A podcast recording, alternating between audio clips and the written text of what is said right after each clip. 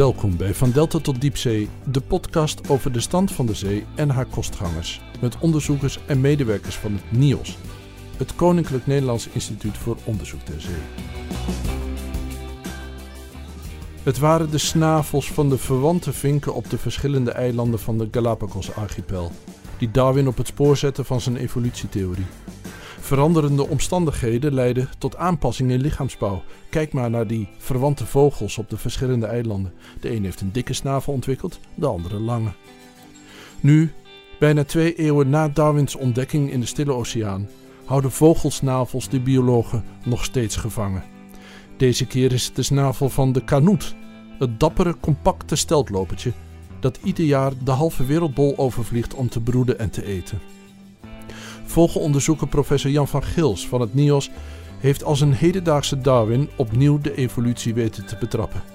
Deze keer bij de veranderingen van de kanoetensnavel. Onder invloed van de opwarming van de aarde wordt de kanoet kleiner, maar de snavel van de exemplaren die in deze veranderende wereld overleven krimpt minder hard mee, zodat in verhouding tot de rest van het lichaam de snavel groter is geworden.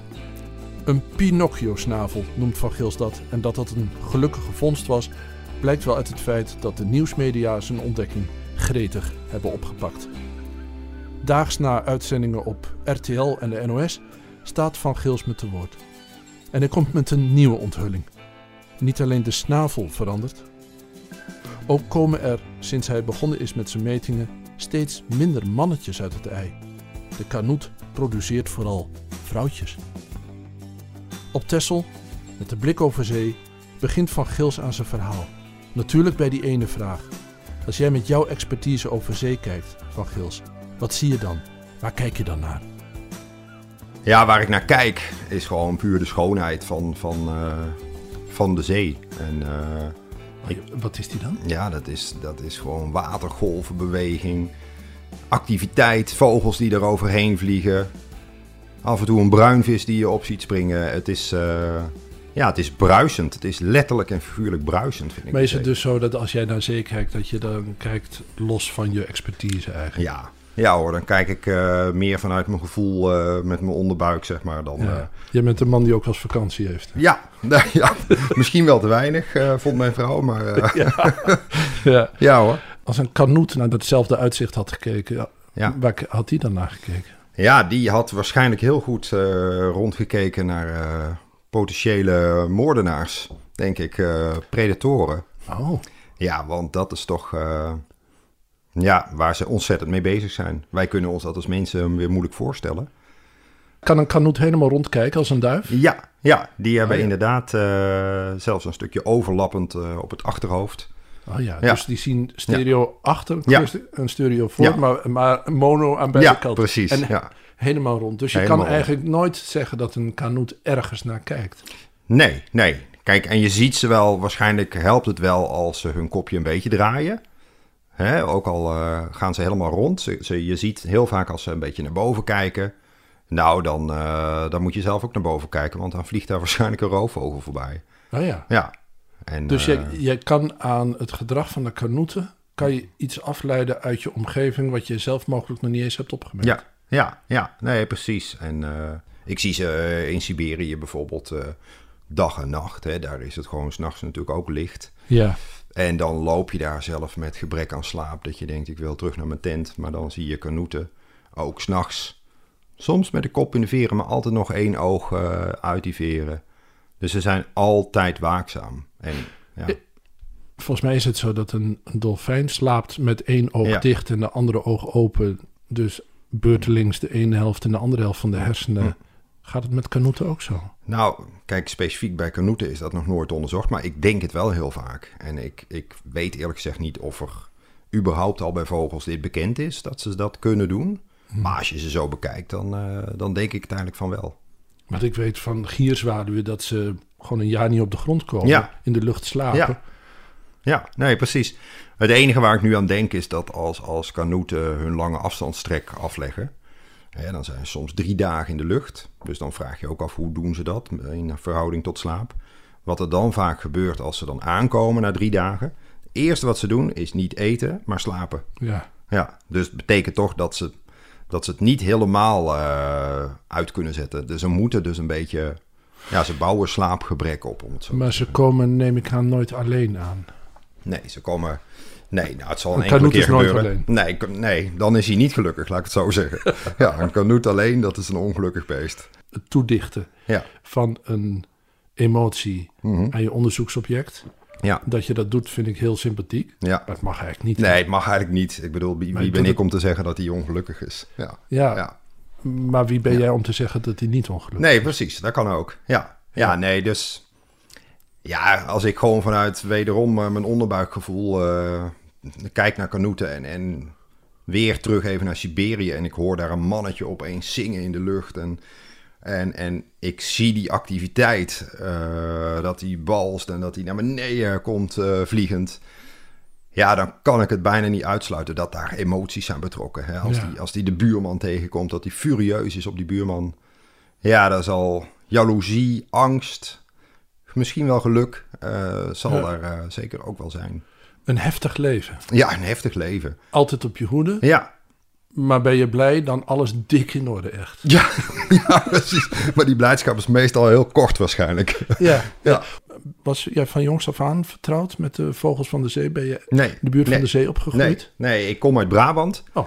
Eh, Midden-Brabant. En eh, nou, wij gingen eens in de vijf jaar misschien naar de zee, naar Zeeland, eh, een Ja. strandhuisje. Dus dat was mijn contact met de zee. Ik heb wel veel binding vanaf al heel vroeger met de natuur. Maar dan eigenlijk veel meer de Brabantse natuur. Dus ik heb... eh, Boshei. Ja, ja boshei. Ik, eh, dat is eh, een triest verhaal, maar ik heb de korhoen zien uitsterven Ja. in mijn eigen dorp. In Moergestel. Moergestel. Ja, ging ik met mijn vader heen en eh, het was eigenlijk mijn favoriete vogel. Ja, allicht. En eh, ik was een jaar of zes, zeven en eh, elk jaar werd het moeilijker om die hanen te vinden. Ja. En ik Maar je wist waar ze zaten. Ja, je wist wist- waar de laatste ja. was. Ja, ja. En eh, ik herinner me nog het jaar dat we daar kwamen en eh, Dat die niet meer ze was. waren er niet meer. Dus ja dat, ja, dat heeft me altijd al aangegrepen. En, en jouw, jouw vader, die nam je mee? Ja, die nam mij mee. Die, eh, wij gingen daar eh, met de auto eh, in het voorjaar heen, s'avonds. Ja, he- heerlijke tocht altijd. Altijd super spannend. Ja, En ik was echt zes, zeven jaar. En ja, de korhoen werd mijn favoriete vogel. Ik wilde er ook aan gaan werken als bioloog. ja. Maar ja, ze waren er niet meer. Nee, nou, precies. Ja, Holtenberg. Ja, Holtenberg. Dan maar een andere soort die, waar het slecht mee gaat. Maar weet je, ik, dat is nog geen kleinigheid om, om daar met, dat met je zoon te doen en dat dat je boodschap is aan je zoon. Ja, nou, hij kon er zelf ook niks aan doen dat dat gebeurde, zeg maar. Nee, Dus maar hij, ja. Ja, hij nam mij mee omdat hij zag dat ik enthousiast was voor Ja. deze vogels. Ja, En eh, wij zagen het samen gebeuren, zeg maar. Ja. ja. maar hij zei niet van, kijk een merel.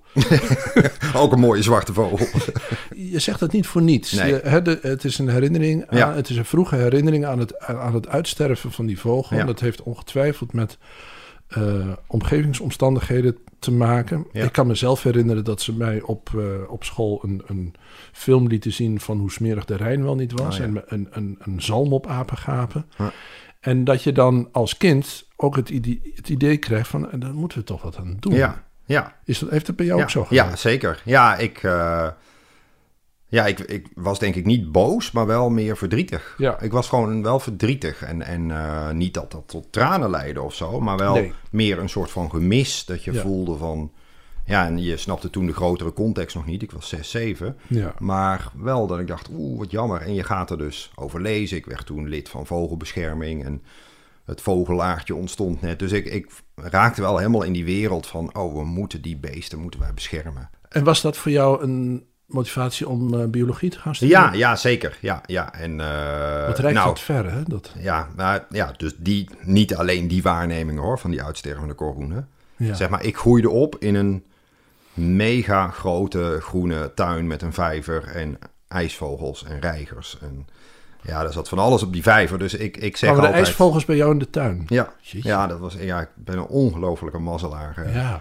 En daar voel ik, ben ik, ben ik bioloog geworden. Of wilde ik, ja, had ik vanaf een jaar of zes, zeven de drang. Ik wil gewoon die vogels bestuderen. Dus jij kon ook al van vroeg eh, de vogels van elkaar onderscheiden en de soorten. Ja, nee, Ja. dat ging eh, vanzelf. Ja, ik kan me niet herinneren dat ik, eh, dat ik ze niet uit elkaar kon halen, eh, bij wijze van spreken. Waar ging je studeren? In Groningen, In Groningen. vanwege de vogels. Ja, dat is natuurlijk... Want eh, eh, het is natuurlijk wel de verste universiteit vanuit Brabant. Ja, Maar ik heb open dagen gedaan, eerst in de buurt van Brabant. En toen, ik weet het ook nog goed, toen kwam ik in Nijmegen. Toen zei ze, oh, maar als jij met vogels wil, nou, moet je naar Groningen. Ja. Dus uh, mijn ouders die waren gelukkig zo gek om mij uh, ook naar die open dag in Groningen te brengen. Ja. En daar uh, ontmoette ik mijn toekomstige leermeesters. En ja, ik was gelijk onder de indruk. Ik Ja. had echt zoiets van, wauw, hier, dit is de place to be. De vogelhokken met schooleksters. Ja. En mogelijk zaten er toen al kanoeten. Ja. Maar ik kreeg een, een rondleiding van Jan Hulscher. Oh ja. En uh, ja, ik had echt zoiets. Ik, ik, hoef, ik hoef niet meer na te denken. Ik ga hier naar Groningen, dat weet ik zeker. Oké, dus je hebt, ook, je hebt he- ook heel wat vanuit de schuilhut op de Schelling naar de hokkers en de wippers zitten kijken. naar, de, naar de schoolekers. Ja, op Schiermonnikoog. Je? Schiermonnikoog ja. was dat. Ja. Nou, ik heb... Ik werd dus al heel snel in mijn studie... kreeg ik een passie voor de kanoet. oh ja. En daardoor heb ik niet het standaardprotocol... van de gemiddelde dierenecologie-student... wat inderdaad de, de hokkers en de wippers... of de rotgansen met Rudy Drent. Ja. Dus ik werd al aangetrokken door die kanoet... in mijn eerste, tweede jaar... En daarmee heb ik dus de scholekster en de rotgans eh, Overgeslagen. ontlopen, overgeslagen. Dus daar weet ik niet zoveel van. Wat was het dan in die kanoet? Eh, de e- extreme leefomgevingen waar die doorheen gaat. Nou, gewoon met, met name de extremiteit van je kuikens laten opgroeien in, in een sneeuwlandschap waar het ijskoud is. Ja. En dat je dan overwintert in, in West-Afrika, in een, in een Sahara-land. Het is in feite de biografie van de vogel. De Ja. extreme, Ja. het verhaal achter de vogel. Ja, en, en daar kwam ook nog bij, moet ik zeggen, dus ik ben dus in 89 begonnen met studeren. In 1990, ik was net lid geworden van het blad Ardia, maken ze bij Ardia een fantastische special issue, Homeward Bound. Nou, ik kreeg dat op mijn deurmat en eh, ja, het is nog steeds eh, een van de mooiste boeken die er bestaat, vind ik. Dus dat werd een, dus even uitleggen voor de luisteraar Ja, die het niet dat. weet, Homeward Bound. Ja, dat gaat over, het is natuurlijk het bekende lied van Simon en Garfunkel. Maar eh, het, gaat, het, het gaat over eh, de, de trek van steltlopers van West-Afrika naar Siberië. Ja. Die, die allerlei problemen hebben om, om uit Afrika elk jaar maar weer te vertrekken naar dat hoge noorden. En daar hebben een groep eh, avonturierlijke biologiestudenten uit Groningen. Ja, die zijn in de jaren tachtig naar Bangladesh gegaan. Dat weet jij. En daar hebben ze ja, fantastisch onderzoek gedaan en grote avonturen beleefd. ja. En dat is dus in dat eh, prachtige boekwerk Homeward Bound gekomen. Ben, je, ben je zelf ook een reiziger? Ja, dat ben ik eigenlijk toen geworden. Zeg Door de kanoet? Ja, door de kanoet. Dus ik was denk ik van tevoren niet zo'n reiziger. Ik, eh, ik ben inderdaad, eh, nou met een hele goede vriend van mij, Jan Drent, de zoon van Rudy Drent, ben ik eh, in mijn eerste jaar naar IJsland gegaan. Hmm. Dat was mijn eerste grote reis zonder ouders. Ja. En toen had ik al die passie voor de kanoet. En ik weet ook, ik zeg tegen Jan, ik, moet- ik moet wel die kanoet zien, want anders is deze vakantie mislukt. Je zag alleen maar watersnippen en, en, en Noorse, Ja. Sterren. Nee, we hebben ze gezien hoor. Oh, toch? In het westen Ja. van, van IJsland. En, eh, Oh. Ja, dat was ook wel heel bijzonder, want eh, nou, we hebben daar rondgelopen. En eh, zo'n beetje op het einde van die vakantie zagen we die kanoeten. Ja. En een week later ging ik voor het eerst naar Grient, ja, waar ik duizenden kanoeten zag. ja, opeens. Ja. Ja, en dat was wel heel bijzonder, want ik realiseerde me, oh, die heb ik misschien net in IJsland gezien. Dezelfde individuen bedoel ik. Ja, want die ontmoeten elkaar dus. De, de Ja. Siberische en de IJslandse kanoeten ontmoeten elkaar op het wat? Ja, ja, ja, zeker. Eh, hè, maar dit, dit zijn dus die IJslandse kanoeten. Dat zijn eigenlijk Canadese kanoeten. Ja. Dus ja, het is een beetje ingewikkeld. Ze hebben En die gaan niet verder dan het wat? Of, die gaan niet verder dan de Waddenzee, dat klopt. en, en die Ja. van uit- Siberië. Die gaan door naar Mauritanië. Klopt, ja. En ze ontmoeten elkaar inderdaad in, in de Waddenzee. Ja. Maar dat is maar een vrij korte periode, van een week of drie. Hmm. In het voorjaar en het najaar. Zouden ze dat van elkaar weten? Van je bent, komt ergens anders vandaan? Of zijn ze Nou, echt, ja. kan jij ze uit Ja. elkaar halen? Nee, nee, nee. Kijk, je kunt ze misschien statistisch een beetje uit elkaar halen. Want die Siberiërs, die hebben iets langere snavel. Kijk. Ja, maar dat, daar zit enorme overlap in. Hè, dus de meeste snavels, de meeste vogels, kun je zeggen, oké, 60% Siberiër kans, 40% kans dat het een Canadees is. Dus En is, heeft dat ermee te maken dat hij hem in Mauritanië toch iets dieper uit de modder moet halen? Dat zou kunnen. Ja, dat, dat is een hele logische, adaptieve verklaring. En ehm, eh, de Waddenzee is rijk aan kleine kokkeltjes, die liggen ondiep. Ja. Eh, daar eten ze ook vaak watslakjes, die liggen helemaal op het oppervlakte van de bodem.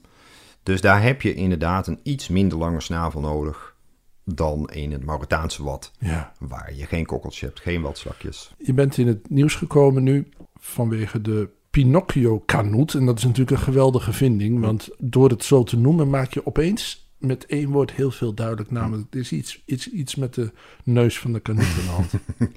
en er, is niet, er wordt niet gelogen, maar er is iets, er is iets langs. Ja. En dan wordt het gelijk een beetje ingewikkeld. Ehm, we kunnen, la- laten we bij het begin beginnen. De kanoet verandert van vorm. Mhm. Hoe komt dat? Ja, ja, waar dat begint is eigenlijk dat hij overal verandert qua van lichaamsgrootte. Dus hij, hij krimpt. Dat, eh, dat hebben we gezien over de afgelopen 30 jaar. Eh, in samenwerking met mensen in Polen, die daar elk jaar, deels vanuit hobby, deels vanuit werk, steltlopers vingen. Die uit de broedgebieden kwamen, uit Siberië kwamen. Want de Siberische kanoeten die onderweg zijn naar de Wat, die vliegen over Polen. Ja, die vliegen over Polen. En ja. die, die, die, er zijn plekken waar ze forageren. Ja, en dat zijn dan eigenlijk vooral de jonge beesten. Dus de volwassen beesten, die vliegen eigenlijk in één keer door van Siberië naar de Waddenzee. Maar de jonge beesten, ja, die hebben het nog wat zwaarder, zijn niet zo ervaren. Dus die moeten meerdere pitstops maken. En dan heb je daar in Polen de Vistula Mouth, de monding van de Vistula rivier. De Weichsel Delta. Ja, precies. Ja. En, en daar eh, gaan ze vanaf 1983 zijn ze daar bezig met het vangen van steltlopers. En het grappige is, juist omdat het een jonge populatie is, dus die beesten die zijn nog niet eens een jaar oud vaak, Nee. die ze daar vangen, Nee. zien ze eigenlijk de toekomst van de kanoet. Ja, klopt. Ja. Als zo'n beest op trek gaat, is hij dan eigenlijk al volgroeid? Nou, dat was een vraag die ik ook eh, heel lang had. Eh, Omdat wij die krimping zagen, dacht ik van ja, Het maar zijn jonge beesten. ja, het zijn jonge beesten. Gaan ze, groeien ze niet uit in, in Afrika? Ja. Worden ze daar niet eh, nog groter? Nou, gelukkig hebben wij dus dat, of hebben, hebben wij een kleuringprogramma opgezet. Dus wij hebben Juist. in Afrika, zijn wij vanaf 2002 vogels gaan vangen, individueel gekleurringd. En wat er soms gebeurt, is dat die vogels jaren later weer terug in het net vliegen. En dan heb je dus, geluk voor ons, die vogel twee keer. Kan je hem twee keer meten. Ja. En daar, Ongelooflijk is dat. ja, dat is ongelooflijk. Ja. Want dat is een kans van 1 op nou, 10.000 dat, dat je een beest twee keer vangt. Ja. Nou, iets, iets grotere kans. Maar ja, eh, de kans wordt steeds groter. ja, de kans wordt steeds groter. Ja, omdat ze steeds Ja, minder talrijk precies. worden. Ja. Ja. En wat blijkt dan als je dus die beesten die we de eerste keer als juveniele vingen en later als adult, blijkt er dus helemaal geen verandering te zijn van hun lichaamsgrootte. En is het zo dat men in Polen ook al... eh, want je gaat dat beest meten Ja. natuurlijk. Je meet hem van, van kop tot staart. Precies, alles wat te meten is. Ja. Maar ook de snavel. ja, ook de snavel. Ja, ja. Ja. En dat hebben dus die Polen volgehouden vanaf 1983 tot en met nu. En ze doen dat elk jaar. Ik was daarin geïnteresseerd omdat het een prachtige dataset was aan die Siberische kanoet die al zo lang in mijn hart zat. En dan zie je dat de kanoet dus aan het krimpen Ja. is. Maar je ziet ook dat de onderdelen natuurlijk Ja. krimpen. Maar, Ja. eh, en dan is de vraag, krimpt de snavel even hard mee Ja. als de kanoet in het geheel? Ja, ja, precies. Ja, En dan, wat Ja. is dan het, wat is daarop uw antwoord? ja wat is daarop uw antwoord? Nou, het antwoord is ehm, de snavel krimpt wat minder hard dan de rest van het lichaam. Dus En- in verhouding krijgt hij een langere snavel. Ja, precies. Exact. Ook al is die snavel korter dan Juist. van zijn voorouders. Ja, dat is het. Ja, Ja. ja. En het is, ja, ik vind het zelf al een leuk verhaal. Wij waren dat met die Polen en mensen uit Australië aan het opschrijven over de krimping van de kanoet. En zoals je weet, dan ga je dat opschrijven. Dan moet dat naar een tijdschrift. Dat stuurden we naar Science, mooi blad. Ja. En eh, toen kregen we gelukkig hele positieve reviews terug. En het allerleukste was dat daar ook een, eh, een echt meedenkende reviewer tussen zat. Mhm. En die zei van, eh, jongens, het is een fantastisch verhaal, maar vergeten jullie niet iets? Want als de beesten in Afrika met korte snavels sterven, zou het dan niet zo kunnen zijn dat de vorm van die vogels gaat veranderen? Ja. Dus het was die reviewer, en ik zal zijn naam even noemen, Dorf Lenk. Als je luistert, dankjewel. die, eh, die zei tegen ons, dit is, eh, dit, daar moet je naar kijken. Dus wij hebben pas in de reviewronde gekeken naar, zit daarin wat hij bedacht had, Ja. dat ze eh, Pinocchio-vogels worden. Ja. ja, en dat zat erin. Dankzij ons kleuringprogramma kwamen we erachter.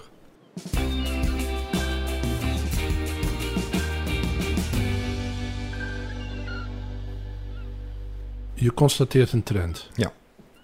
Maar dan weet je nog niet hoe het komt. Nee. En toch hoor ik je nou zeggen, dat het komt door klimaatverandering. Ja. Hoe kom je daar dan achter?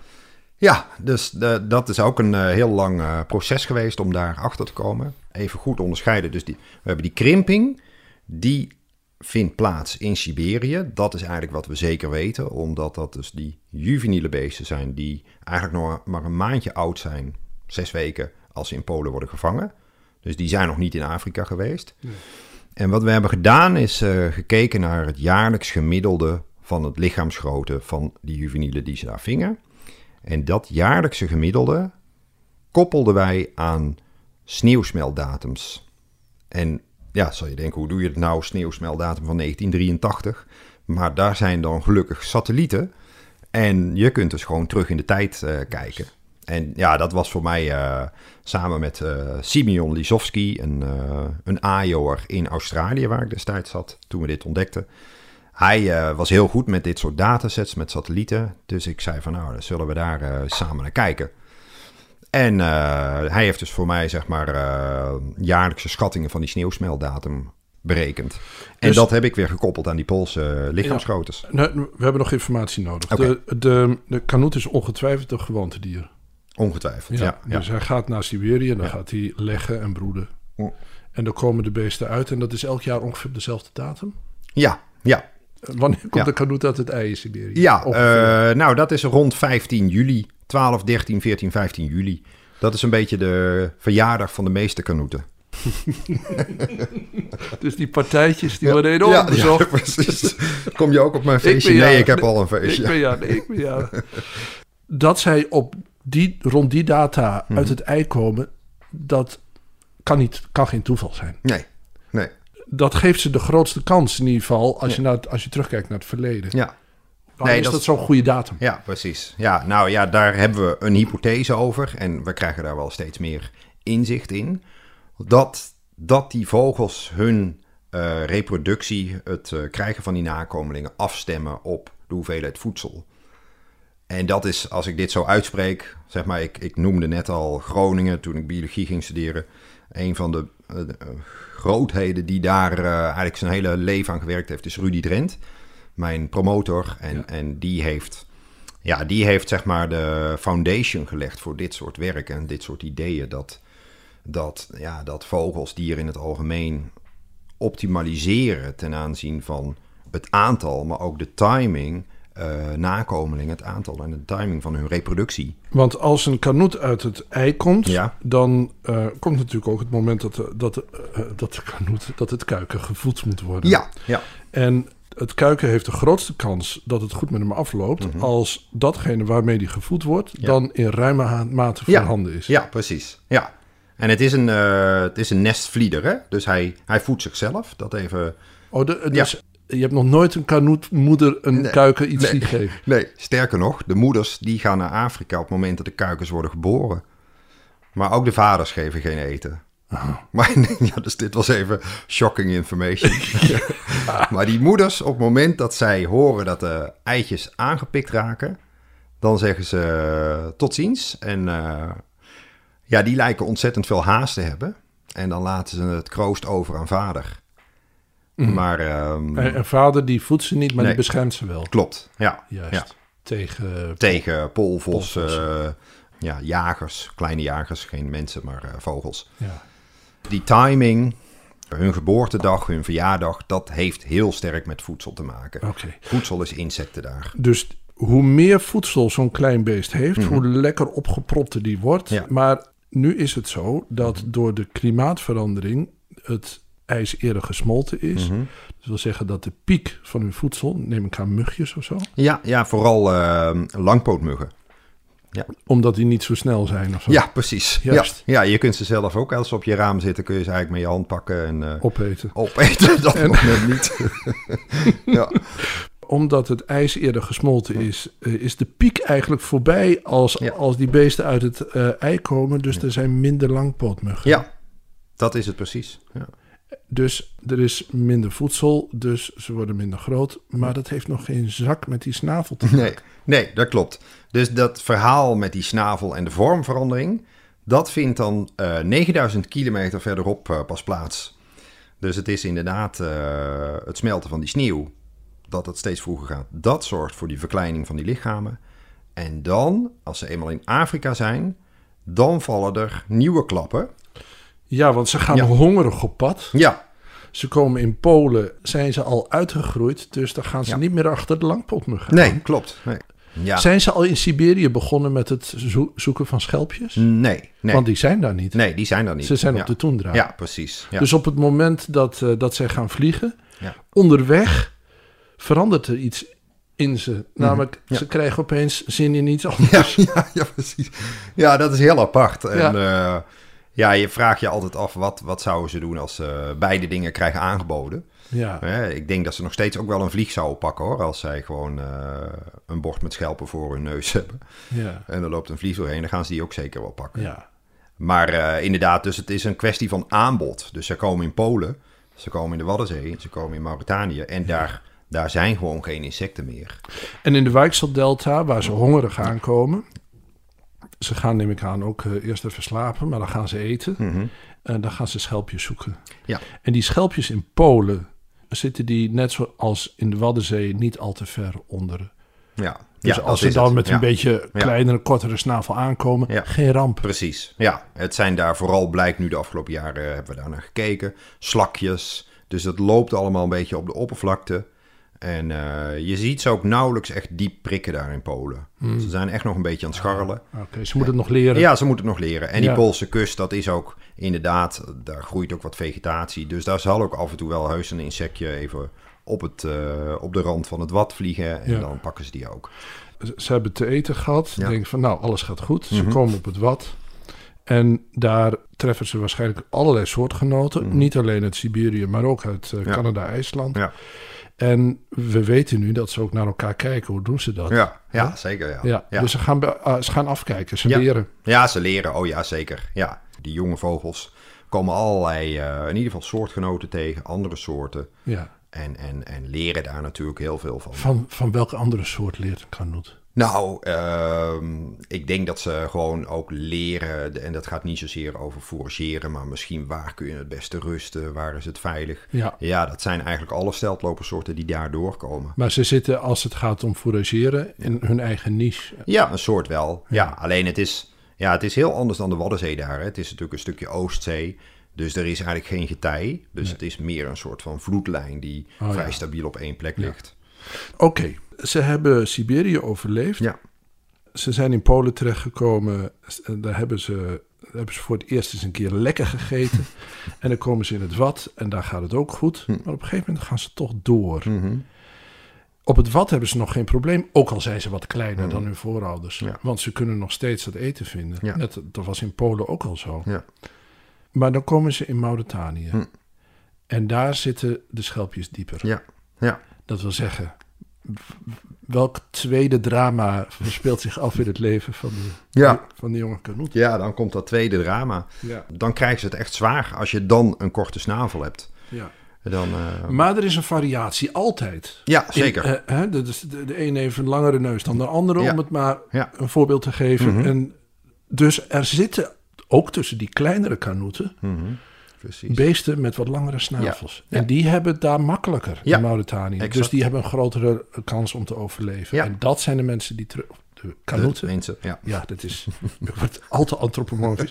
Dat zijn de kanoeten die Ja. teruggaan. ja, klopt. Ja, En zo krijg je in feite, wat jij betrapt, is Darwin in de praktijk. in wezen wel. Galapagos. Ja, ja. Kan je dat uitleggen wat ik bedoel? Ja, ja, en dat hoor ik mensen ook zeggen. Hè, gisteren met de tv, die zeggen, een hoop mensen zeggen, ja, maar dit is toch gewoon evolutie.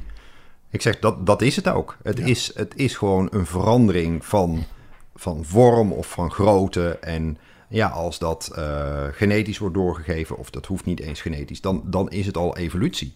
En Ja. ehm, En dat kan zich dus, zo, zo zie je, dat kan zich heel snel voltrekken. Ja, ja. En dat is denk ik ook het mooie ten opzichte van Charles Darwin. Eh, dat wij nu in een tijd leven wat zo snel verandert. En, en dat we de technieken hebben om dit in de gaten te houden. En uiteindelijk zelfs op DNA-niveau eh, misschien deze veranderingen te karteren. Ja, Ja, het is de snelheid van verandering vooral, die wij zelf als mens veroorzaken. ja, waar we wat dramatisch is aan de ene kant, maar waar we misschien als biologen gebruik van moeten maken tussen aanhalingstekens om dat in kaart te brengen. Ja. Ja. Ik, eh, het geluid wat we op de Ja. achtergrond horen is... eh, de- zelfs bij Niels worden de glazen gewassen. Precies. Maar ja. we kunnen elkaar nog goed horen. Dus Ja, toch? laten we gewoon doorgaan. Ja, zeker. We kunnen alleen beter naar buiten kijken nu. Ja. nou zou je zeggen, als die, als, die, eh, eh, als die beesten zich goed aanpassen aan veranderende omstandigheden, waarom gaan ze dan niet eerder broeden? Ja, nou dat, dat is een vraag waar ik het antwoord nog echt niet op weet. En, en dat is een, eh, dus gelijk een hele fascinerende vraag, want het is ook een belangrijke vraag. Waarom doen ze dat niet? En, en ja, ik denk deels dat dat te maken heeft met dat het gewoontedieren zijn. Wat jij zelf net ook al zei. Ze hebben gewoon een soort van routine. Ze hebben zichzelf iets aangeleerd. En eh, waarschijnlijk is er wel een soort van flexibiliteit in dat eerste levensjaar. Dat is dan de zomer na hun geboorte. Dan blijven ze in Afrika. En het voorjaar daarop, dus dan zijn ze bijna twee jaar, dan gaan ze trekken. En dat is, ja, ik denk zelf, maar dat is een hypothese, dat ze dan hun vertrekdatum vastleggen. En wat we dus zien. Dus die vertrekdatum Ja. die wordt gerelateerd aan Afrika en niet aan, Ja. eh, aan Siberië. Ja, ja. En daar kan wel enige vorm van natuurlijke selectie misschien zijn. Net als bij die snavels. Dat je daar misschien toch ook een soort van variatie hebt tussen individuen. ja.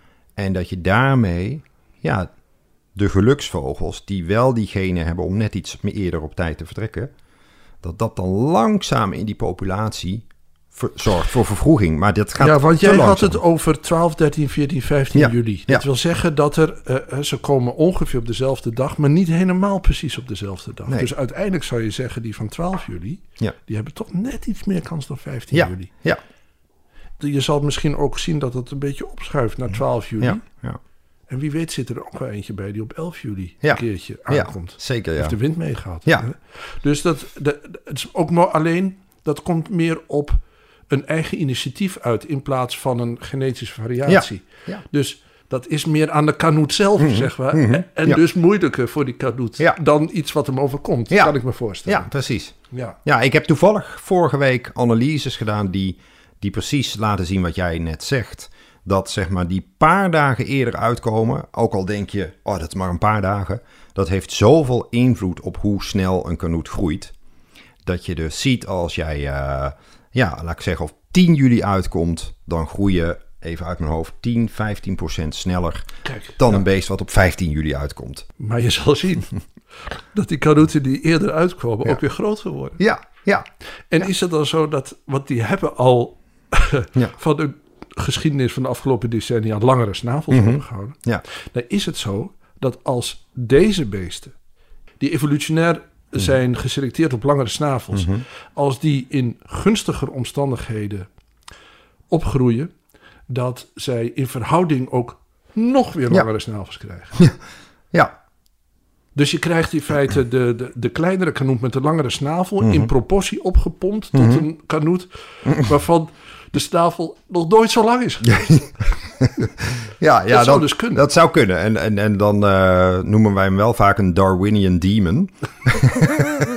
dus daar, daar zijn denk ik ook wel weer grenzen aan. Want uiteindelijk gaat het toch weer om optimalisatie ook. Ja. Hè? Dus ja, probeer zelf maar eens met eh, chopsticks eh, een rijstkorrel te pakken.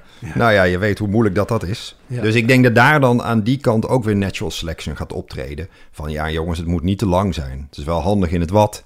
Maar bijvoorbeeld om een insect op de toendra te eten, dat eh, valt niet mee met twee chopsticks. Dus een, kanoet bevindt zich sowieso in een wereld met constraints en optima. Ja, precies. Ja, exact. En nou is er iets heel bijzonders aan de hand. En dat is bijna niet te bevatten. En volgens mij heb je... Ik ben benieuwd of je daar een verklaring voor hebt. Want wat je ziet is dat de ratio mannen-vrouwen aan het veranderen is.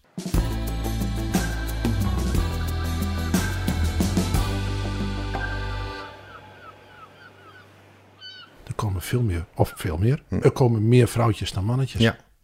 Hoe kan dat nou? Ja. Nou ja, dat, dat, is, ja, dat is super fascinerend. En hoe kan het nou? Dat kan ik inderdaad nog niet zo snel beantwoorden. Maar er is van alles aan de hand. En, en ik heb wel ideeën hoe het kan, dus dat kan ik gaan uitleggen. Ja, we zagen al eh, een, een aantal jaren dat die seksratio aan het verschuiven is. Dat begon gewoon 50-50 man-vrouw toen wij in 2002 begonnen in Mauritanië. Maar eigenlijk de laatste vijf jaar zien wij echt een afschuiving richting 40, 35 procent. En nu, afgelopen keer was het zelfs, schrik niet, 25 procent. 75% vrouwtjes. Ja, Is dat gunstig voor de soort? Ik denk het niet. En, en dat heeft te maken met hun, hun, eh, hun seksleven, zeg maar. Ze zijn monogaam. Dus eh, ja, dat vroeg iemand van mij vanochtend ook. Die zegt van ja, maar meer vrouwtjes, dan kunnen wel meer eieren gelegd worden. Dat is zo, maar dat zullen een heleboel onbevruchte eieren zijn. En zij zullen die eieren niet leggen, want ze zijn gewoon geprogrammeerd om maar één mannetje. Eén mannetje heeft één vrouwtje. En, en daar En dat weet je zeker. nou, dat, eh, dat weten we behoorlijk zeker. Daar zijn ook stukken over geschreven. Nou is het zo, maar dat is een NS1 verhaal. Dat een paar jaar geleden was ik in Alaska. En ehm, daar was een vrouwtje zonder partner. En die bracht ook de jongen groot. En die gedroeg zich dus Als een mannetje. als een mannetje. Die werd ook eh, Tom Waits genoemd, want die had een beetje een zware stem. terwijl ze de kuikens riep. Maar eh, ja, die is ook genetisch eh, op DNA-niveau echt geanalyseerd. En het bleek werkelijk een vrouwtje te zijn. Maar dat zou een trend kunnen zijn. Dat zeg maar de kanoet misschien wel een beetje uit dat monogame systeem gaat. En ja, dat je dus misschien mannetjes hebt die meerdere vrouwtjes bevruchten. Het is toch heel gewoon in de. In de Ja. hebben ze, Ja. Dat eh, bij. Koolmees Ja. het mannetje even weg is. Dat, hop, zeker. Dat, dat is heel gewoon. Maar dan is daar helaas het mannetje voor die koolmees die bedrogen wordt, die wel voor die jongen zorgt. En dat is het verschil hier natuurlijk. Dat die vrouwtjes, kanoeten, die hebben geen man die zij kunnen bedriegen. Zij moeten dan alleen voor de kinderen zorgen. En dat deed dus Tom Waits in Alaska. Ja. En, en dat is misschien... eh, ja, een way out is het niet. Want als je bedenkt dat die vrouwen, wat ik net vertelde... het liefst zo snel mogelijk terug naar Afrika willen... op momenten die kuikens uitkomen...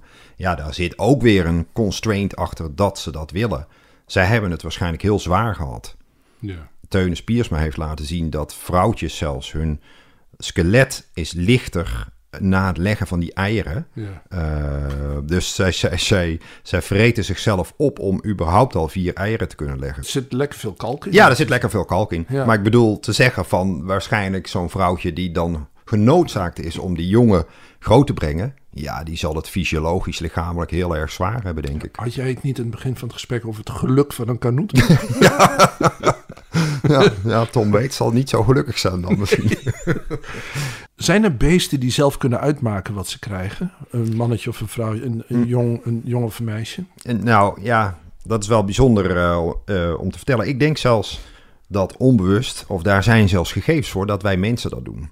Ik ben daar ingedoken in de literatuur. Wat je ziet is dat na beide wereldoorlogen Meer mannen. werden er meer Juist. mannen geboren. Ja. en, en dat laat zich evolutionair verklaren, omdat Ja. er natuurlijk hoge mannensterfte was in de jaren daarvoor. Ja. Maar dat is dus een, een, ja, een passief fysiologisch proces in de vrouw die daarvoor heeft gezorgd dat, dat zij proportioneel meer zonen krijgt. Juist. Mensen.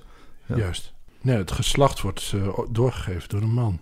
Ja, het, ja wie, wie kiest er uiteindelijk? Ik denk de vrouw in, in, in het bevruchten van de eicel. En bij de vogels is het trouwens een stuk makkelijker. Want daar is zeg maar, daar, kijk hier bij de mens, wij hebben als mannen XY-chromosoom. Maar Ja. bij vogels is het andersom. Daar hebben de vrouwtjes juist XY-chromosoom. Dus zeg maar, daar is het helemaal niet meer een twijfelgeval wie daar kiest. Of de mannen leggen daar eieren. natuurlijk. Nou, dat heb ik nog niet ontdekt, maar... nee, maar, Nee, nee, maar- is dat echt zo? Ja, ja, dus vogels staan tegenover zoogdieren in hun geslachtschromosomen.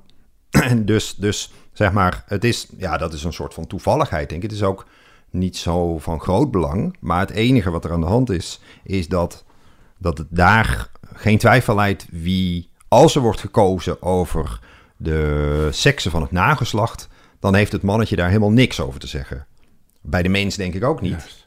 Maar Het mannetje levert gewoon zijn X-chromosoom. ja, exact, die heeft twee X-chromosomen. En die, die jaagt een jager weg. En Ja. dan, That's it. dan is het weer vliegen Ja, geblazen. ja, en die moet dan wel op de kinderen passen. Ja. Maar hij heeft er verder geen controle over gehad. Dus ja, wat je zegt, het, is, het zijn er dieren die, die kiezen voor eh, de seks van het nageslacht. Ik denk vrij veel, alleen dat gaat onbewust.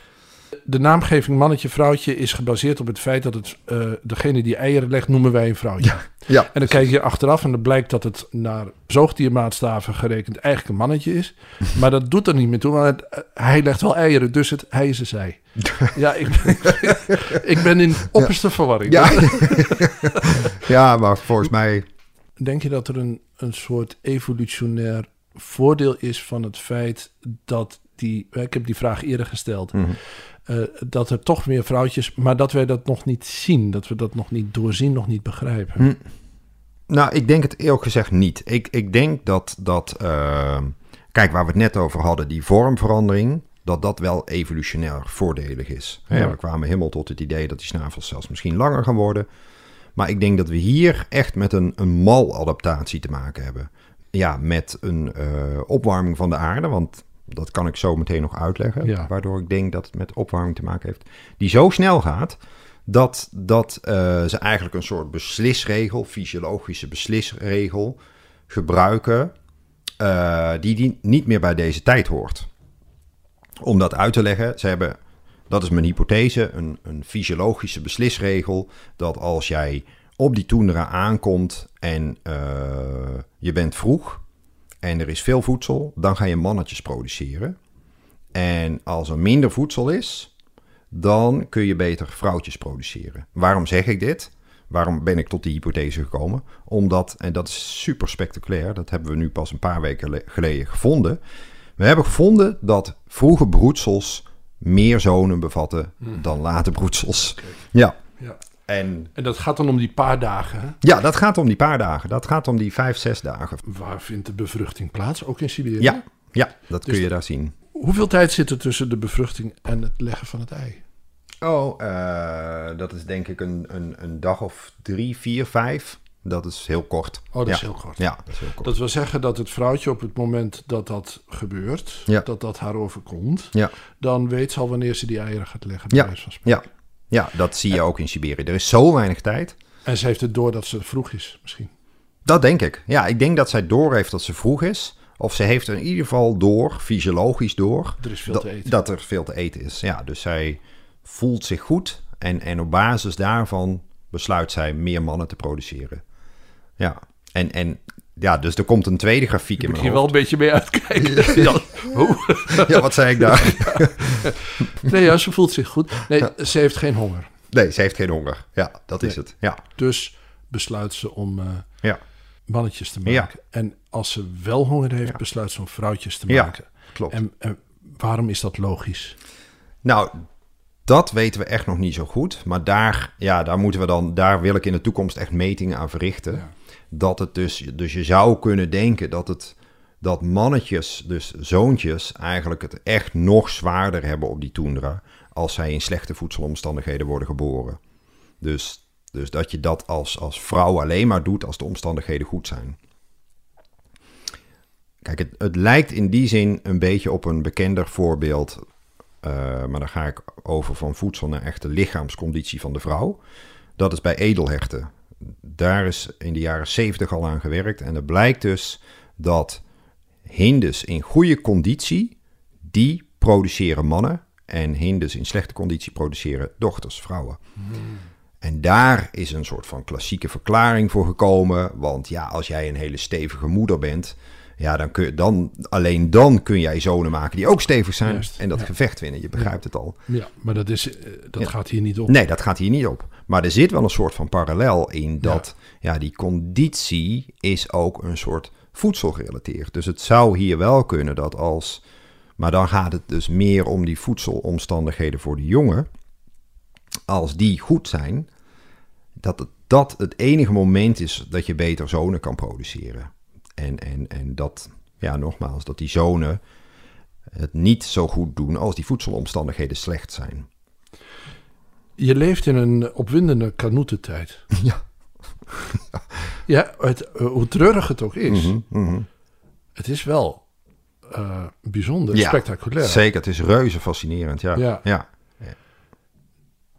Betrap je er wel eens op dat je denkt, wauw, eh, oh, nee, dat mag ik niet, want het gaat heel slecht.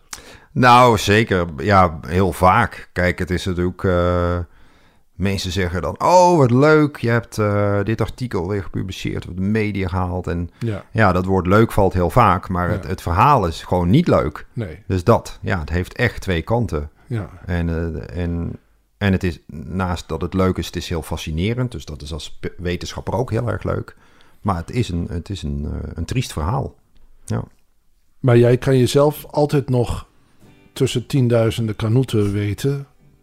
En dat is toch nog een ander. op- Ik bedoel, hè, dat is toch iets anders dan die ene korhoen. Ja. Hè? Dus wat dat betreft is het een, beter, een betere vogel om mee te werken. ja, ja, zeker. Tuurlijk, jij noemt tienduizenden kanoeten. En daar kun je tussen gaan zitten. Die, die heb ik ook wel eens om me heen. Maar dat is nog het verschil met eh Korhoen. Dat je dan met die 10.000 of 20.000 kanoeten... heb je opeens een heel groot deel van die populatie. Ja. Dus dat is het grote verschil met een korhoen. Die kanoeten zitten gewoon heel geconcentreerd op een paar plekken op aarde. ja. En daar kom ik nu ook heel erg achter, hè, door te werken in Siberië en Mauritanië. Met kleuringen. Ja. Wij hebben gewoon beesten die we in beide gebieden hebben gezien, gevangen. Dat je realiseert van potverdorie, die, dat beest vliegt de hele aarde over. Dan denk je er is ruimte zat.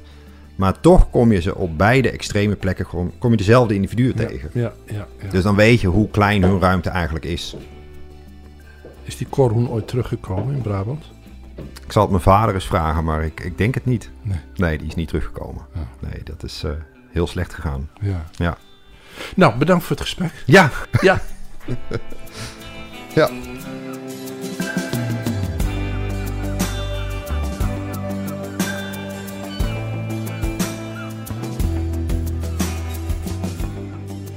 Dit was Van Delta tot Diepzee, een podcast over de stand van de zee en haar kostgangers. Met onderzoekers en medewerkers van het NIOS, het Koninklijk Nederlands Instituut voor Onderzoek der Zee.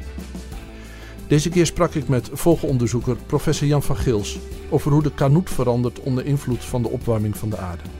En ik ben Matthijs Deen. De muziek is gecomponeerd en gemaakt door Matthijs Duringhoff. En als u zich abonneert op Van Delta tot Diepzee, ontvangt u iedere maand een gesprek met een onderzoeker van het NIOS.